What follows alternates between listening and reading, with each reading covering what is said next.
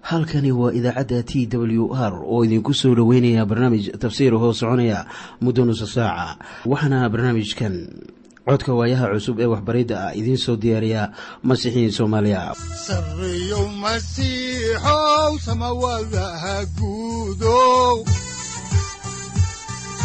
Siraadkii adduunkow subanaha eebow sareyow masiixow samawadaha guudow siraadkii adduunkow subanaha eebow adigoo samada jiro ifkan soo saldhiganba adigoo samada jiro ifkan soo saldhiganba kutubtiisanaye udanogu saaciiday sharxin sifahaaga kutubtiisinayo ebanagu saaciid sharxin sifahaaga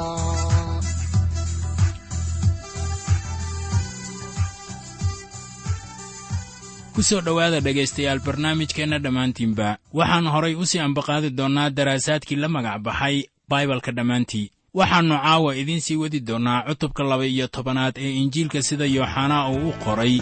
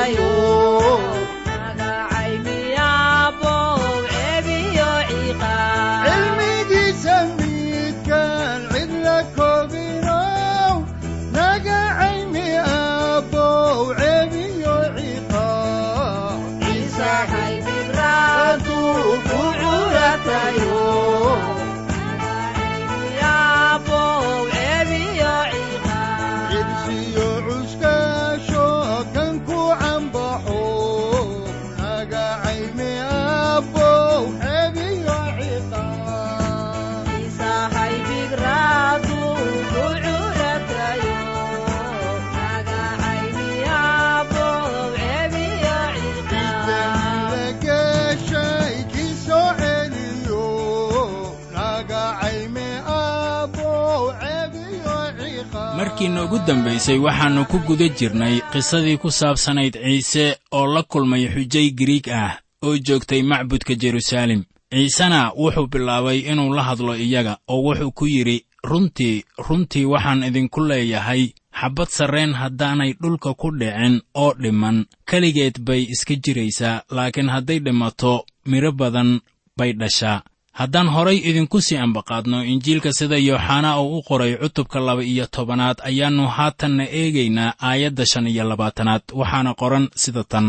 Kan naftiisa jecel waa lumiyaa kan dunida naftiisa ku nebcaadase wuu hayn doonaa tan iyo nolosha weligeed ah. Haddaba marka la leeyahay ciisena waa u jawaabay ayaa taasu ay ka micno tahay siday ila tahay inuu u jawaabayay xerta iyo weliba gariigta waxay u muuqataa in ciise uu u baxay raggaas si uu ula hadlo. Ma rumaysni inuu diidi lahaa inuu u yimaado kuwa isaga doondoonaya.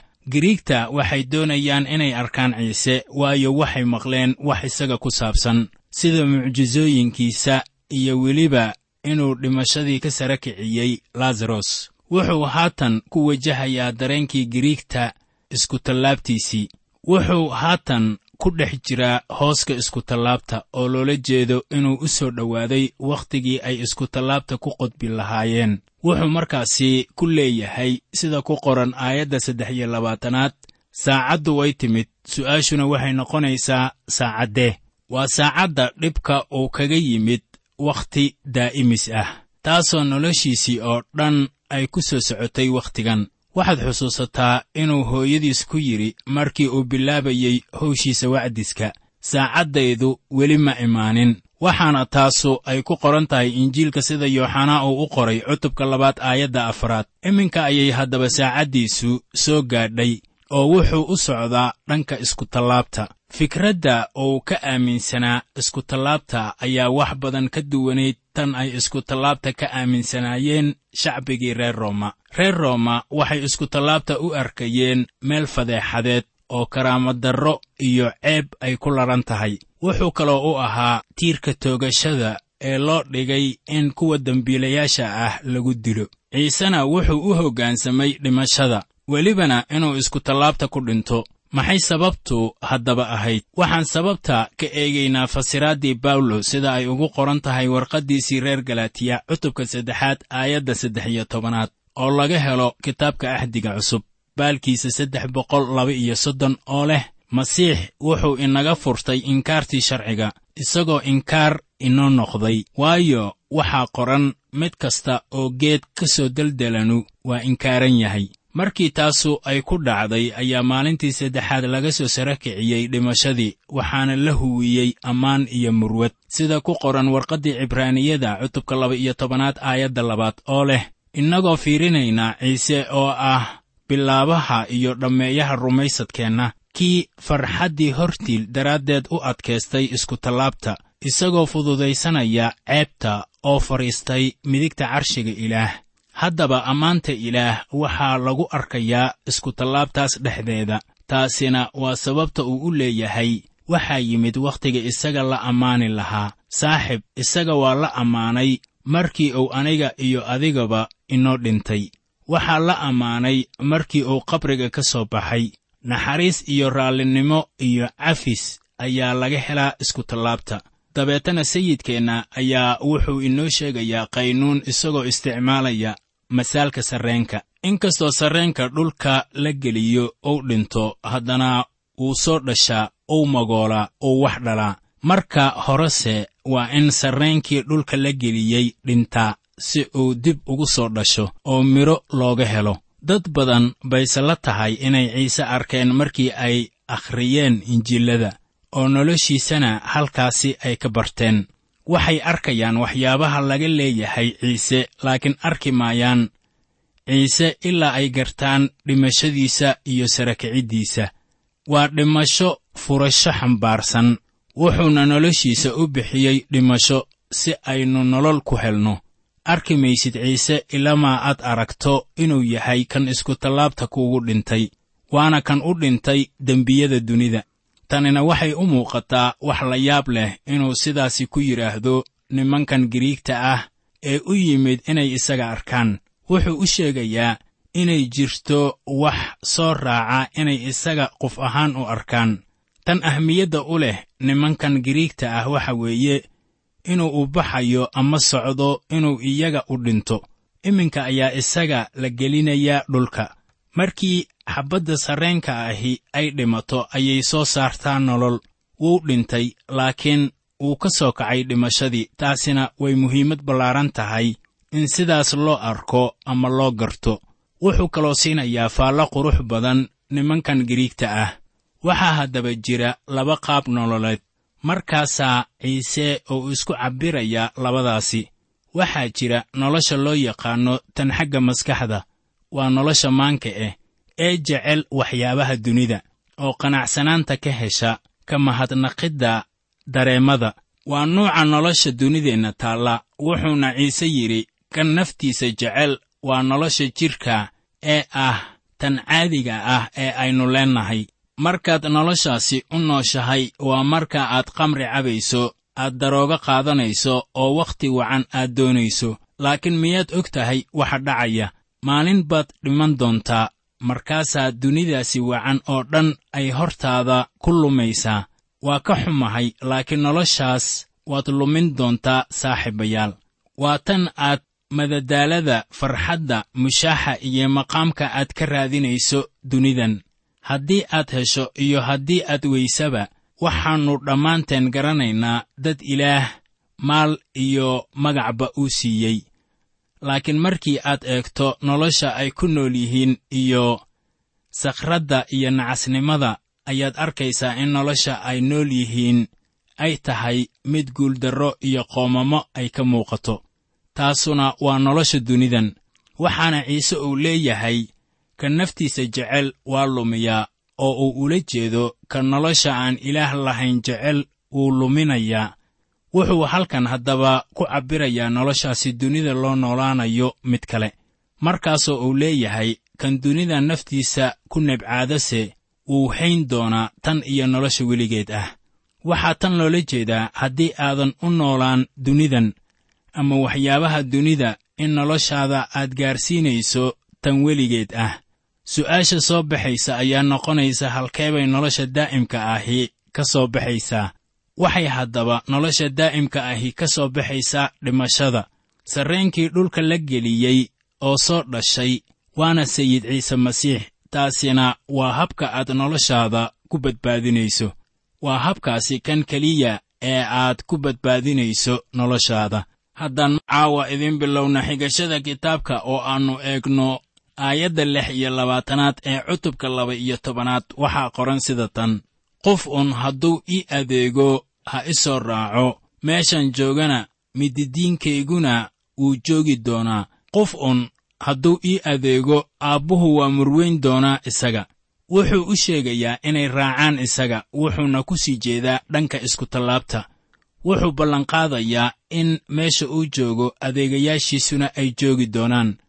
Wuxuu leeyahay qof un hadduu ii adeego aabbuhu waa murweyn doonaa isaga haatanna waxaynu fiirinaynaa maaddada kale ee ah ciise oo haatan soo gaadhay saacaddiisii. Haddaan horay u sii wadno xigashada injiilka sida yooxanaa uu u qoray oo aannu eegno cutubka laba-iyo tobanaad aayadda toddoba iyo labaatanaad waxaa qoran sida tan. Haatan naftaydu waa murugootay oo maxaan idhaahdaa aabbow saacaddan iga badbaadi laakiin taas aawadeed ayaan saacaddan u soo gaadhay waxaa haddaba jira silic lagu dabray iskutallaabta masiixa oo aniga iyo adiguba aynan fahmi karin. Gacanta dadka oo keliya dhibaatadiisu kama imaanaynin. Inkastoo weliba gacanta dadku ay ahayd mid cadaawadi ay ka muuqato haddana waa laga shisheeyey. Dembigayga iyo kaaga ayaa isaga la saaray. Wuxuu ahaa sida ku qoran kitaabkii ishaaciyah nin murugeed oo xanuun bartay. Markii uu iskutallaabta saarnaa wuxuu bixiyey ciqaabtii dunida mase ahan dembi uu isagu geestay waxaa kaloo ishaaciyah uu leeyahay sida ku qoran konton iyo saddex waa cutubka e aayadda afaraad. Sida runta ah wuxuu xambaartay xanuunyadeennii wuxuuna qaatay murugadeennii dembiyadeennii baa la saaray isaga. Innaga darteen buu dembi u noqday. Ma ahan in isaga dembi looga dhigay cilmiyan laakiin dhab ahaan baa innaga aawadeen dembi looga dhigay. Kitaabka ishaaciyah waa cutubka konton iyo saddexaad aayadda tobanaade. Ayaa leh hase ahaatee waxaa rabbigu raalle uu ka noqday inuu isaga nabarreeyo wuxuu isaga ku riday xanuun naftiisana wuxuu ka dhigay sidaan arkayno qurbaan dembi. Inkastoo uu quduus ahaa uu ahaa mid aan xumaan samaynin oo dembiilayaasha ka fog ayaa haddana innaga aawadeen dembi looga dhigay. Waxaana halkaasi yaalla silic aynaan garan karin. Nafsaddiisu waxay aragtay naxdin. Waxaana hor yeelay anfariir markii uu hor joogay iskutallaabta wuxuu dunida u yimid danta ah inuu aado iskutallaabta oo uu qaado ceebta iyo darxumadeeda xitaa waxaa jiray ammaan ku jirtay iskutallaabta saaxib. Waa inaynu wax badan ka fakarno iskutallaabta oon kaga mahad celinno. Bawlos baa yidhi sida ku qoran warqaddiisii uu u qoray reer galatiya cutubka lixaad aayadda afar iyo tobanaad sida tan laakiinse yaanay noqon inaan wax kale ku faano. Iskutallaabta rabbigeenna ciise masiix mooyaane tan dunidu iigu musmaarantay anna aan dunidu ugu musmaarmay. Miyaa haddaba arkaysaa sida aayaddani deliil wacan ay ugu tahay labadii aayadood ee hore. Sayidkeenna wuxuu haatan ku jiraa allabari sarreeya oo kol dhow wuxuu noloshiisa ugu bixinayaa rahaamad aadmiga oo dhan. Wuxuuna wacyigelinayaa kuwa isaga raacsan haatan oo wuxuu leeyahay kan dunida naftiisa u nibcaadase wuu hayn doonaa tan iyo nolosha weligeed ah qof hadduu ii adeego ha i soo raaco.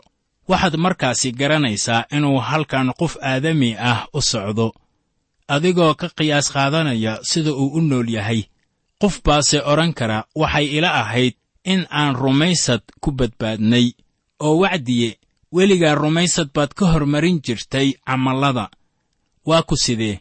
Taasu haddaba waa dhab oo rumaysad baan ka hormarinayaa camallada hase yeeshee haddii lagu badbaadinayo waa inaad marka hore kalsoonidaada saarataa ciise masiix. Sidaad la socotana bawlos wuxuu ku yidhi xabsihayihii reer rooma rumayso rabbi ciise waanaad badbaadi doontaa. Laakiin waxaan doonayaa inaan kuu sheego haddii aad isaga dhab ahaan ku kalsoon tahay noloshaadu way isbeddelaysaa haddaanay noloshaadu isbeddelin waxaa caddaan noqonaya inaadan ku kalsoonayn. Waxaan la yaabaa kuwo badan oo rumaystayaal ah oo wax waliba oo ay haystaan geliya ama u hura sidii ay ku heli lahaayeen waxyaabo ay ku raaxaystaan oo haddana sugaya in sayidku uu soo noqdo oo rajadooduna weyn tahay. Miyaanay ka fikirin inuu yidhi kan naftiisa jecel wuu lumiyaa. Waxaad eegtaa sida taasu ay ugu xidhan tahay aayaddii kale ee lahayd. Meeshaan joogo mididiinkayguna waa joogi doonaa. Wuxuu kaloo raaciyey qof uun hadduu ii adeego aabbuhu waa murweyn doonaa isaga. Su'aali kama taagna in sayidku uu inala soconayo laakiin waxa weeye inaan joogayno halkii sayidku uu joogay. Tan la adkaynayo waxa weeye inaan aadno halka sayidku uu joogo. Badbaadiyaheennu ma ahan bilaash saacaddan ayaa sayidkeenna waxay u tahay wax dhib badan oo haddii ay suuragal tahay wuxuu doorbidi lahaa in aabbuhu uu ka samato bixiyo naxdinta ay leedahay in isaga laga dhigo dembi. Inkastoo tani ay tahay sababta uu u yimid dunida laakiin wuxuu leeyahay aabbow magacaagu ha ammaanaado haddaan horay idinku sii wadno injiilka sida yooxanaa uu u qoray cutubka laba iyo tobanaad aayadda siddeed iyo labaatanaad ayaa waxaa qoran. Aabbow magacaaga ammaan. Haddaba waxaa samada ka yimid cod leh waan ammaanay waanan ammaani doonaa mar kale. Doonistiisa ugu weyn waxay ahayd ammaanta ilaah. War maxay haddaba taasu inoo tahay cashar innaga? Waxaannu ilaah hortii la nimaadnaa cabashooyin iyo dacwado marka xaalado aan hagaagsanayni ay ina qabsadaan. Markaan masiixa ku jirno waxaynu baranaynaa inaan ilaah kala hadalno waxyaabaha wanaagsan ee uu inoo sameeyey. Waxaanan ku leennahay aabbow silican iyo xanuunkan i haya. Ha lagu ammaano magacaaga. Haddaba ilaah aamusnaan maayo ilaah si la maqli karo ayuu ugu jawaabaa masiixa miyaadse og tahay in ilaah uu kala hadlay xagga sare saddex goor? Mar waxay ahayd bilowga howshiisii marna waxay ahayd sannadii labaad bartamaheedii. Markii saddexaadna wuxuu la soo hadlay markii howshiisii dunidu ay soo dhammaanaysay. Miyaad garanaysaa in saddexdaas kolba jawaabtu ay qusaysay dhimashadii masiixa? Kolkii koowaad waxay ahayd markii la maquurinayey oo lagu calaamadinayey dadka dembiilayaasha ah markii labaadna waxay ahayd dhallanroggiisii markaasoo eliyaas iyo muuse iyo sayidkuba ay ka wada hadlayeen dhimashadiisa yeruusaalem ka dhici doonta. Waxaana taasu ay ku qoran tahay injiilka sida luukas oo u qoray cutubka sagaalaad aayadaha soddon ilaa kow iyo soddon. Markan saddexaad oo la soo gaaray gunaanadka howshiisii ayaa sayidka uu ka hadlayaa dhimashadiisii waayo saacaddiisii baa timid haddaan xaalkaasi ka eegno injiilka sida yooxanaa uu u qoray ayaannu fiirinaynaa cutubka laba iyo tobanaad aayadaha sagaal iyo labaatan ilaa soddon. Waxaana qoran sida tan. Haddaba dadkii badnaa oo ag taagnaa way maqleen oo waxay yidhaahdeen waa onkod. Qaar kale waxay yidhaahdeen malaa'ig baa la hadashay isaga. Ciise ayaa u jawaabay oo ku yidhi codkaasu aawaday uma imaanin laakiin wuxuu u yimid aawadiin. Haddaba laba siyaabood baa loo kala fasirtay codkii la maqlay. Qaar waxay yidhaahdeen waa onkod. Kuwo kalena waxay yidhaahdeen waa malaa'ig. Waxaanay kala rumaysnaayeen falsafado iyo aaraahyo kala duwan. Kuwana sida dadka dunida ayay u hadleen qolana sida rumaystayaasha. Haddaan horay idinku sii wadno xigashada oo aan eegno aayadaha kow iyo soddon ilaa saddex iyo soddon waxaa qoran sida tan iminka weeye markii dunida la xukumi lahaa. Iminka kan madaxda dunida ah dibaddaa lagu tuuri doonaa aniguna haddii kor layga qaado dhulka dhammaan xaggaygan u soo jiidi doonaa wuxuu waxaasi u yidhi inuu tuso siduu u dhiman doono. Haddaan ka faalloonno aayadahan ayaa waxaa la odhan karaa dhimashadii masiixu ku dul dhintay iskutallaabta waxay ahayd ciqaabtii dunida iyo tii amiirka dunidan taasina waa waxa ruuxa quduuska ah uu inoogu marag furi doono. Markaan eegno injiilka sida yooxanaa uu u qoray cutubka lix iyo tobanaad aayadaha toddoba ilaa kow iyo toban oo aan arki doonno beryaha foodda inagu soo haya. Haddaba amiirka dunida waxaa looga adkaaday dagaalkii iskutallaabta oo aan u dhicin sidii uu doonayey. Waxaa markaasi laynoogu sheegayaa muujintii rasuul yooxanaa cutubka laba iyo tobanaad aayadda tobanaad in shayddaanka laga soo tuuri doono samada taasoo ah heerka labaad. Waxaa kaloo isla kitaabkan muujinta cutubka labaatanaad aayadda saddexaad ku qoran in lagu tuuri doono dab aan demayn isla cutubka labaatanaad ee kitaabka muujintii aayadda tobanaad ayaa laynoogu sheegayaa in lagu tuuri doono harada dabka ah. Haddaan horay idinku sii wadno injiilka sida yooxanaa uu u qoray cutubka laba iyo tobanaad ayaannu haatanna eegaynaa aayadaha afar iyo soddon ilaa lix iyo soddon waxaana qoran sida tan. Haddaba dadkii badnaa waxay ugu jawaabeen waxaannu sharciga ka maqalnay in masiixu weligiis uu jiri doono. Sidee baad u leedahay wiilka aadanaha? Waa in kor loo qaado. Waa ayo wiilka aadanuhu. Ciise haddaba ayaa ku yidhi weli in yar nuurka ayaa idinla jiraya. Socda intaad nuurka haysataan si aan gudcurku idiin soo gaarin kan gudcurka ku socdaana ma yaqaan meeshuu u socdo. Intaad nuurka haysataan rumaysta nuurka. Inaad noqotaan wiilasha nuurka. Waxyaalahaas ciise ayaa ku hadlay markaasuu ka tegey oo ka dhuuntay iyaga. Halkan buu ku joojinayaa ciise waxaanay taasu soo xidhaysaa hawshiisii wacdiska bogsiinta iyo weliba adeegyada kale ee uu dadka u hayey wixii intaa ka dambeeya kol dambeeto dad badan lama hadli doono. Intuu mar kale dunidan ugu soo noqonayo oo uu ka taagi doono boqortooyadiisa. Iminkana waxaannu lafa guraynaa maaddadan ah ciise oo imaanaya ama soo gaaray dhammaadka hawshiisii wacdiska.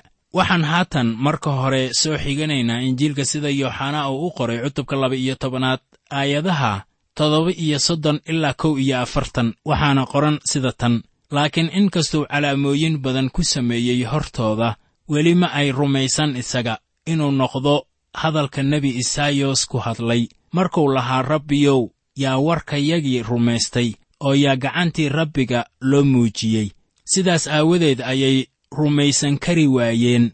Waayo isaayos ayaa haddana yidhi uu indho tiray qalbigoodana ayuu engejiyey. Si aanay indhahooda wax ugu arkin oo aanay qalbigoodana wax ugu garan oo aanay u soo noqon oo aanan u bogsiin.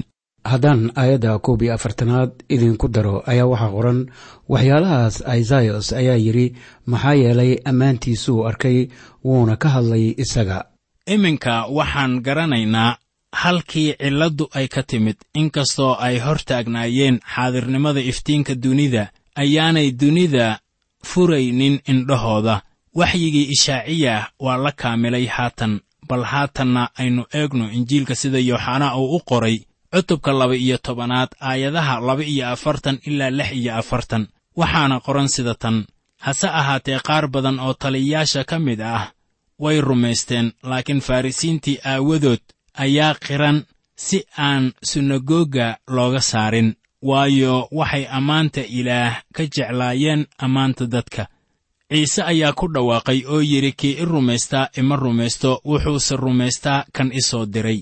Kii i arkaana wuxuu arkaa kan i soo diray. Waxaan dunida u imid inaan nuur u ahaado. Mid kasta oo i rumaystaa uusan gudcurka ku sii jirin. Ciise masiix wuxuu dib ugu noqonayaa warbixintiisii la yaabka lahayd markaasoo uu lahaa waxaan ahay nuurka dunida. Tanina waa qayb ka mid ah hadalladiisii markii uu indhaha u furay nin indhala'aan ku dhashay. Wuxuu kaloo furi doonaa indhaha mid kasta oo doonaya inuu qirto inuu indhala'aa oo ay u baahan yihiin iftiinka dunida.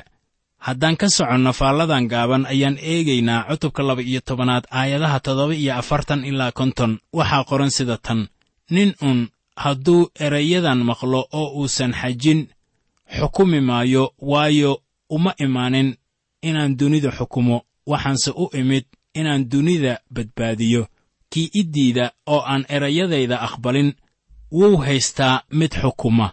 Hadalkan ku hadlay baa xukumi doona isaga maalinta u dambaysa waayo anigu amarkayga kuma hadlin. Laakiinse aabbihii i soo diray isagaa i amray waxaan idhaahdo iyo waxaan ku hadlaba oo waanan garanayaa inuu amarkiisu yahay nolosha weligeed ah. Sidaas daraaddeed waxaan ku hadlayaa sidii aabbuhu igu yidhi. Sidaasaan ku hadlayaa. Saaxiibayaal waxaa ina xukumaya hadallada ilaah laakiinse laynagu xukumi maayo camallada yar ee wanaagsan. Welibana laynagu xukumi maayo waxa aynu u malaynayno in diinu ay tahay. Waxaase laynagu xukumayaa hadalladii ilaah. Ciise markii hore wuxuu u yimid sida badbaadiye sida ku qoran injiilka sida matayos uu u qoray cutubka toddoba iyo tobanaad aayadda shanaad. Markaasoo uu lahaa intuu weli hadlayey daruur dhalaalaysa ayaa hadhaysay oo cod baa daruurtii ka soo baxay oo yidhi kan waa wiilkayga aan jeclahay oo aan ku faraxsanahay maqla isaga. Waxaa cutubkanu uu ku soo xermayaa iyadoo dadkii ay dhabarka u jeediyeen codkaas oo waxay diideen boqorkooda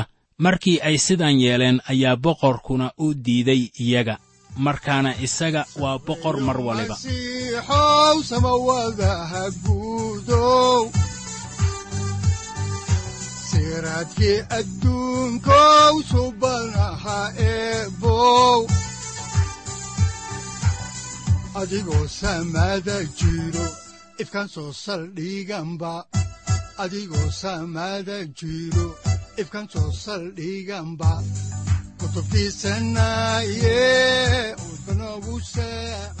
halkani waa t w r idaacadda t w r oo idinku leh ilaa ha idin barakeeyo oo ha idinku anfaco wixii aad caawi ka maqasheen barnaamijka.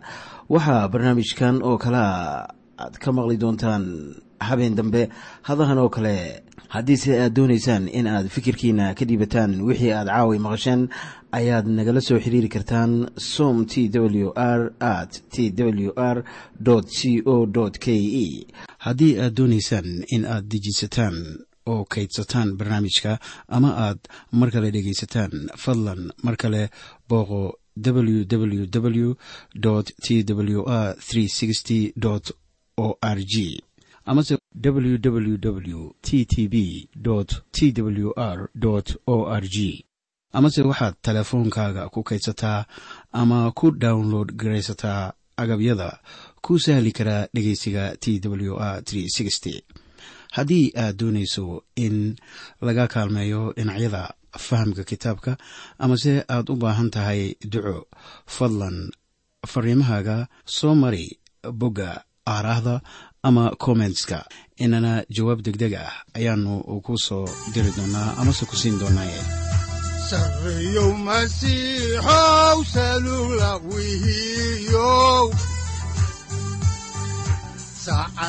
timid dhulka sabada ku dhalatiyo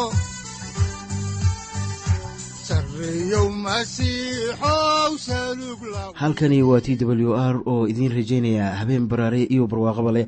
Inta aynu ka gaari doono wakhti aynu ku kulanno barnaamij la mida kan caawayay aad maqasheen. Waxa aan idinku leeyahay nabadda ciise masiix ha idinku badato xagga jidhka iyo ruuxaba. Aamiin